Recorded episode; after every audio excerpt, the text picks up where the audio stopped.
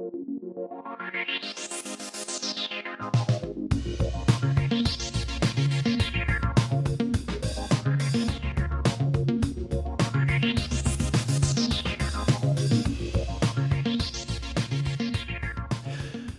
til Avisa Hordaland sin podkast. Vi har eh, lagt bak oss ei underlig uke. Vi har eh, opplevd at eh, vi har blitt pålagt restriksjoner som er sterkere enn noen som har levd før i landet vårt i fredstid, har opplevd. Vi har opplevd ting som setter begrensninger for hvordan ting som vi tar helt for selvsagt i hverdagen, ikke lenger er så selvsagt. Og vi lever med betydelig frykt for framtida, på både økonomisk og personlig og sosialt og alle andre vis. Dette gjør noe med oss, spesielt de som er små, kanskje. Og i dag har vi med oss en psykologspesialist straks her i podkasten. Skal snakke om hvordan vi kan ta oss av eh, ungene og ungdommen nå i de tidene som vi lever i. Solfrid Raknes straks på plass her i podkasten til Avisa Hordaland. I disse tider så er jo da selvsagt eh, podkasten til Avisa Hordaland eh, opptatt av korona som eh, alle andre. Men oppi alt dette her om hva som skjer, og ting skjer så fort, så skal vi lære ungene ting og være lærere, og vi skal aktivisere dem og holde på. Men å passe på deres psykiske helbred, Solfrid Raknes, du er psykologspesialist. og Går det an å si tidligere vossing, eller? Ja, jeg har bodd på Voss i veldig mange år. Eh, og mor mi var fra Voss. Ungene mine er delvis vokste opp der, så ja, skal kanskje se til Ja, det er litt vossing. Litt vossing, det er bra. Psykologspesialist, og um, spesielt mye arbeid har du gjort i forhold til dette med å uh, gi unger måter å snakke om psyken, drive psykologisk uh, førstehjelp. Hva, um, hva skal en gjøre hvis en, uh, hvis en har lyst til å ta vare på deres syke oppi dette her. For dette, det er jo tungt for ungene òg. De hører ting, de merker ting. Det er en veldig omveltning i hverdagen. Mm. Ja, jeg tror nok det er viktig å gjøre mer med ungene nå når det er så store endringer i hverdagen. Det er å gi, snakke med dem og gi dem god informasjon om hva som skjer. Sånn, for at eh, når, når en forstand hvorfor en skal vaske hendene oftere og nøyere, og det liksom plutselig blir så innmari viktig, da, så er det lettere når man forstår hvorfor det. Mm. Sånn det der å, å, knytte akkurat den håndvaskinga til at ja, men dette her er det noe vi kan gjøre nå for å, passe på at ikke sykdom blir spredd. Sånn, og gjerne knytte det til at ja, vi må passe på hverandre nå. Eh, da er det litt lettere godta informasjon.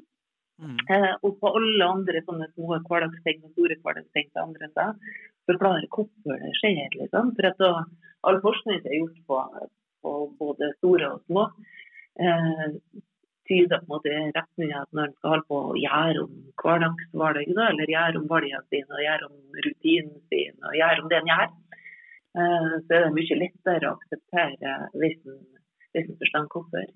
Mm. Men forstår, altså Dette er jo så svære ting. Jeg syns det er vanskelig å ta inn over seg sjøl, egentlig. Det er en helt sånn samfunnsendring. Det endrer måten vi lever på, måten vi tenker på. Hvor, hvor langt ned i aldersgruppene klarer unge egentlig å henge med på dette? Altså, jeg er helt enig med deg. Det er mye vi ikke forstand her. Um, og vi forstår vel hver våre deler. tenker jeg, altså For unger er ganske små, så oppfatter de iallfall følelser. Sånn det er, Unger oppfatter følelser til når det er maing. Sånn, sånn at, uh, men det, det jeg tenker på er på en måte når kan det være nyttig å gi informasjon med, med ord. Da. Og jeg tenker sånn, Når unger begynner å bli 34 år, så forstår de veldig mye av forklaringene som blir gitt. Gode fireåringer på en måte som Eh, er vel jo stadig alle lure på hvorfor det er. da. sånn, det, det jeg sier. Mange treåringer kan ikke forstå en del av det som blir sagt. Så lenge en eh, snakker med et uh, alminnelig språk som uh, tilpasser alderen, og informasjonslengde som tilpasser alderen, og at en gjør det litt uh, ja, ja, passelig i forhold til noen som uh, hjemme og gjør, og situasjonen er og sånt. Mm. Struktur har du nevnt for meg som en sånn ting som er viktig å passe på i hverdagen. og Hvordan eh, legger en opp den?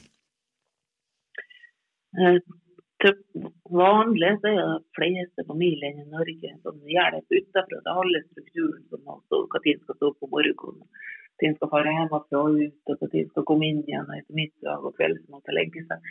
Men nå når skolen og barnehagen er stoppa opp og har gjort det en stund, og mange jobber hjemme, og sånt, så mister vi jo på en måte den hjelpa utenfra til å til å holde struktur. Mens, eh, og da det jo, ligger jo mye mer ansvar til foreldre og, og, eller bor mange å skape den strukturen. Uh, og det tror jeg at de fleste foreldre på en måte må bestemme seg litt for for at det skal skje. sånn. Mm. Uh, altså det vet at det er godt, det er jo godt, men nå framover ser det ut som det kan vare en stund. Mm. Og det er da å uh, lage seg en struktur for når en skal stå opp, når det skal være frokost, og når det er skoletid, og når det skal være lunsj, og når det er mer skoletid, når det er middag.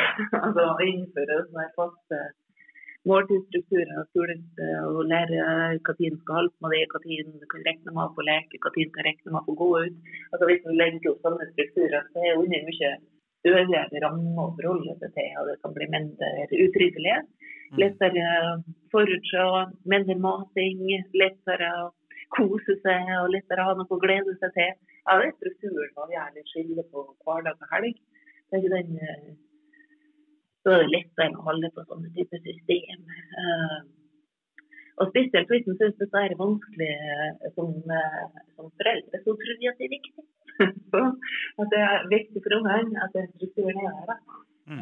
For aller fleste. Hvis en har masse overskudd at det ikke er på en måte noe problem, noe, så er det kanskje ikke like viktig. Men hvis en merker at oh, nå begynner ting å slite litt på humøret, og det er vanskelig å komme seg opp og vanskelig å få dusja og altså, det der å, å, være i karantene eller å være veldig mye inne og, og ha litt kontakt med folk, er jo litt for å tvinge over humøret til.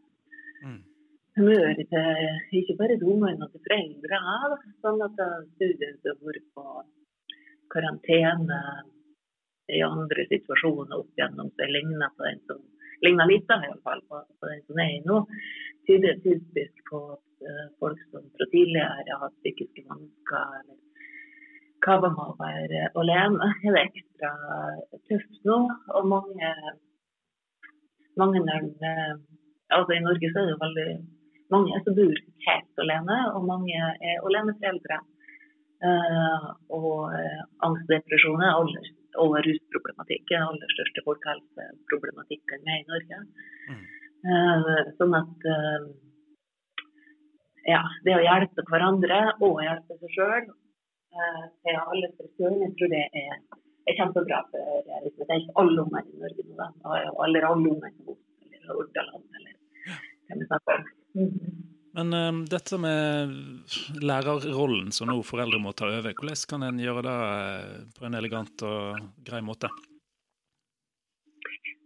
Elegant og grei måte, det var jo store ambisjoner. Det er klart det kan en prøve på. Vi kan, vi kan ta det ned til å få det til å fungere på et nivå, i hvert fall. ja, ja, ja, absolutt. Så, det er jo, det er jo ulike forutsetninger. Sant? Noen uh, foreldre og hjemme har jo allerede gått aller først i Norge er elektrisitet. Det er en veldig bra ting. Og i disse her tider så har elektrisitet og dødig wifi-tilgang. Og hvis det i tillegg har eh, bra eh, nettbrett som man kan bruke, eller bra eh, computere, og at man har lasta ned programmer, og at man har foreldrekompetanse til å kunne laste ned den mangler, sånn, så er det veldig mye lettere å, bruke denne, denne muligheten for digital læring. Mm. Og Hvis det i tillegg er en skole som er vant til å holde på å gi noen oppgaver digitalt, og digital kommunikasjon med, hjemme, eller om ikke hele skolen gjør klassen gjør det, så er det. Det er ikke alle unger vet du, som har det sånn. sånn. Sånn at uh, dette her er tid der foreldre som vet at uh, vet vi er ekstra utstyr eller vi har kompetanse på dette her, hvis der tenker seg om og kommer på oi, her er det noen andre som trenger akkurat den kompetansen eller det utstyret nå. Og de kan finne en måte å ordne med det på, på en måte som eh, kommer alle ungene til, til, hjelp uten at man øker smitterisikoen. Eh, så hadde det vært veldig bra. Jeg synes strukturen, altså Du spurte om hva man kan gjøre. i tillegg til rene uh, å ha utstyr og, og ha programvare og det som trengs der, så, så, så finnes det kjempegode uh, digitale tips. Hvis man googler litt som foreldre, så finner man det. Hvis man har skolen som har lagt opp til vekeplan og sånn, så kan man gjøre det. Men det der å jobbe på strukturen, at man lager på en måte da, hvis man sitter litt i lag med ungene når man holder på med det. Her går litt gjennom uh, mål. For uh, han skal holde på å lære å hjelpe ungene til å forstå hvorfor dette er viktig nå. Og så at hunden får holde på litt digitalt sjøl eller analogt sjøl, at man gjør oppgavene sine. Og så hvis, hvis man kan koble det på andre unger som kan holde på å prate litt om hva man har lært digitalt, og så etter hvert samles Eh, med foreldre igjen, eller kanskje ja, har sånne foreldregrupper med andre foreldre, eller at en foreldre kobler på andre unger digitalt uh, til en sånn felles gjennomgang av hva man har lært før man begynner med noe. En sånn type digital hverdag kunne jo ha gjort ting innmari mye bedre. Eller noen skoler fungerer allerede sånn, der læreren gjør mye av denne rollen. Men det, det vet vi ut ifra det jeg ser at, uh, at skoler fungerer veldig ulikt.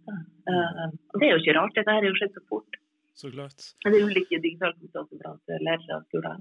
Ja, og alt må vel egentlig i veldig stor grad finnes opp nå, da. Så det er mange hjul som skal finnes opp på nytt rundt omkring, både i hjemme og hos lærere. Men uh, en ting som, et hjul du har funnet opp, det er jo akkurat dette her som går på det med psykisk helse og hjelp til unger. Hva, hva kan en gjøre for å jobbe med, med den hvis ungene begynner å slite?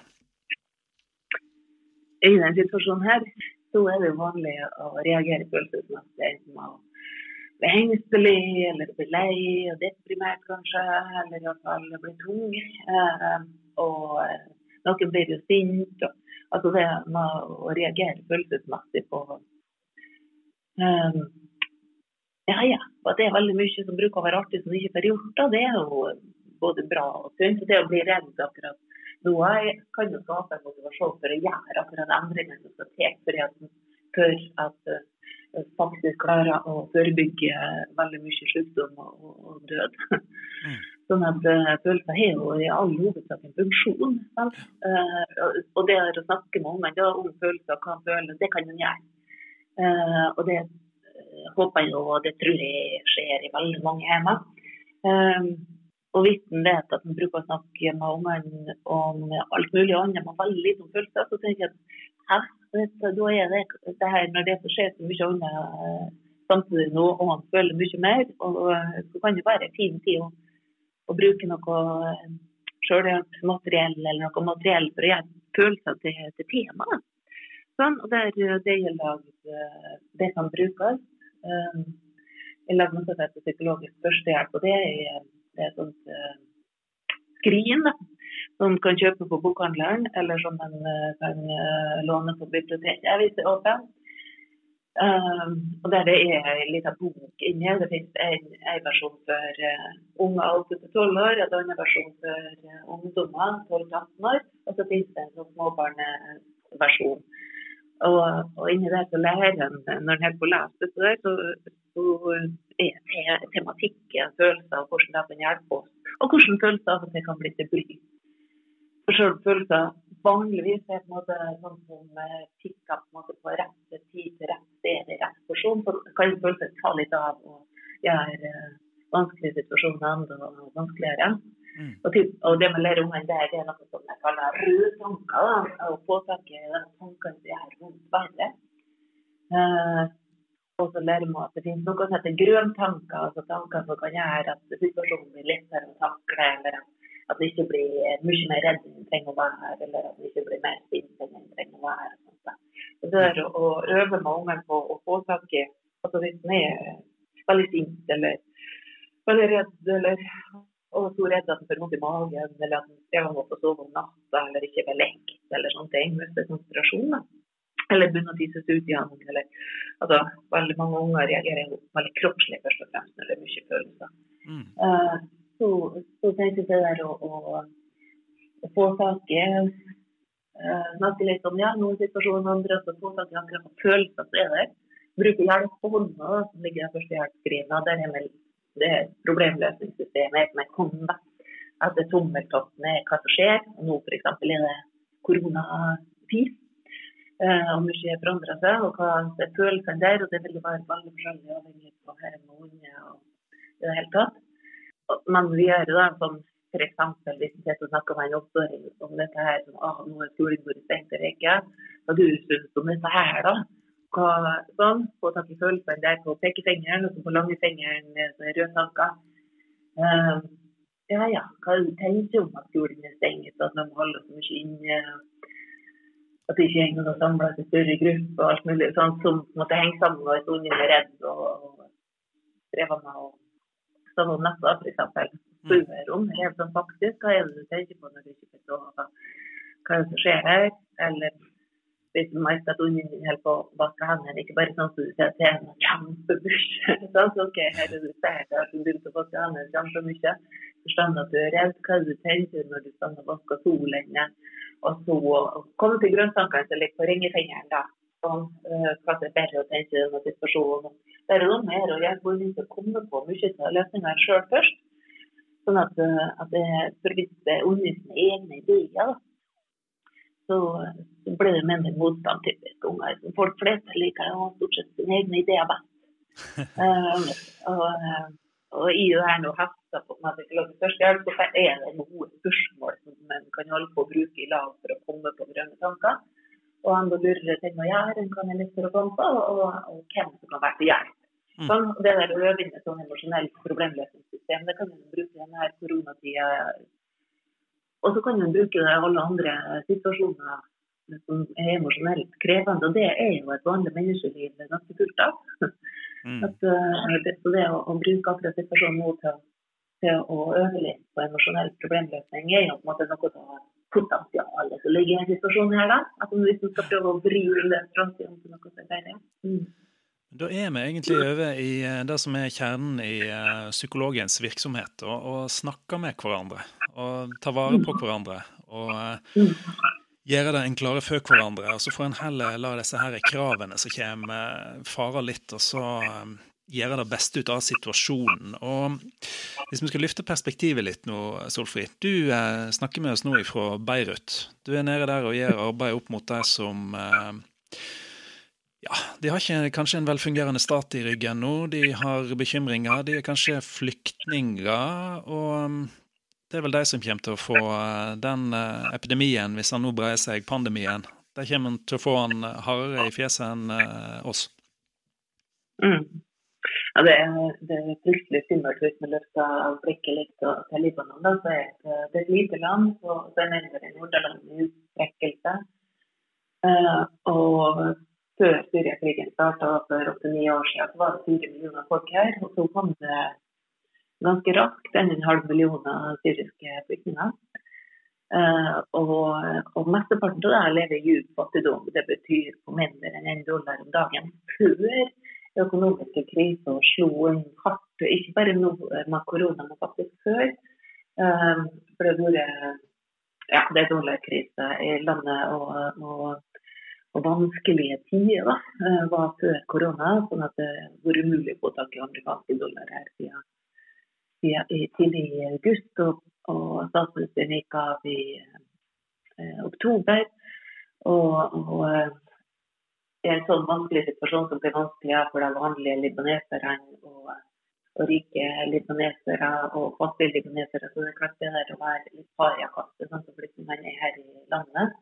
Mm. Uh, det, det, det, da er man nederst på ramstingen, og det betyr uten politibeskyttelse, uten rett til helsehjelp.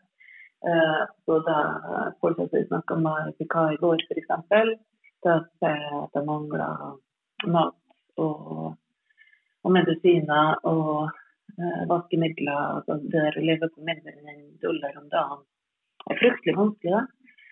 Uh, og, og, akkurat nå så er det jo klart at akkurat det er veldig redd. Det er enormt mye og med god grunn. Her for at alle er jo redd for å få korona av når en lever i land med relativt gode helsevesen, sånn som vi har i Norge. Da. Uh, her på det libanesiske sykehuset er alle det, altså når Verdensbanken og Verdens helseorganisasjon er møte nå, så, så, er man jo redd for hele befolkninga fordi at man f.eks. mangler laken på sykehusene. Det er ikke bare respiratorer man mangler. Og, og for de fleste flyktningene ikke har sjansen til å kunne komme inn på sykehus uansett hva som skjer, så er det klart at folk blir veldig mye mer forsiktige. Altså. Og, og, politiet er blitt veldig mye hardere med flyktninger enn ellers. sånn at det er i karantene eller det der å være inne i teltet sitt, eller å være på området sitt. Mm. Folk blir mye hardere til det, og så bor jo folk eh, så tett. Eh, sånn at frykten for at det kan bryte ut eh, i leirene, den, er jo stor med, med rette. Og så er man ikke testutstyr, sånn at har veldig lite oversikt nå over hvor mange som faktisk er smitta. Men flere av doktorene som jeg snakket med forrige uke, har vært syke. Solfrid Aknes, da syns jeg egentlig at vi bare skal si takk for praten, og takk for innblikket i eh, hvordan livet er i eh, deler av verden der eh, de har enda mer å kjempe med enn eh, det vi sjøl har her i disse dager. Du eh, må lukke til i eh, arbeidet ditt der nede. Og så og eh, det ble jo litt sånn trist på, på slutten her, men, men, det meg er da, det at en enormt mye håp og vilje til å kunne gjøre noe med situasjonen og vilje til samarbeid. Og det er på en måte det geniale med den digitale muligheten som ligger til samarbeid nå. Uh, da er jeg opptatt av at vi prøver å utnytte det aller beste. Hvis vi samarbeider, så tror jeg vi kan få til mye, sjøl om situasjonen er skummel for alle. Mm.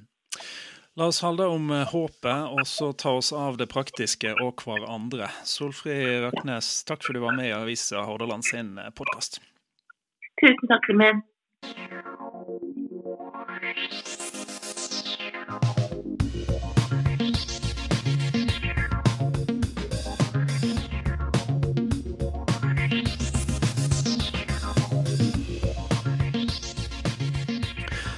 Du har hørt eh, podkasten til Aviso Hordaland. Vi skal prøve å eh, podkaste til dere eh, hver uke framover.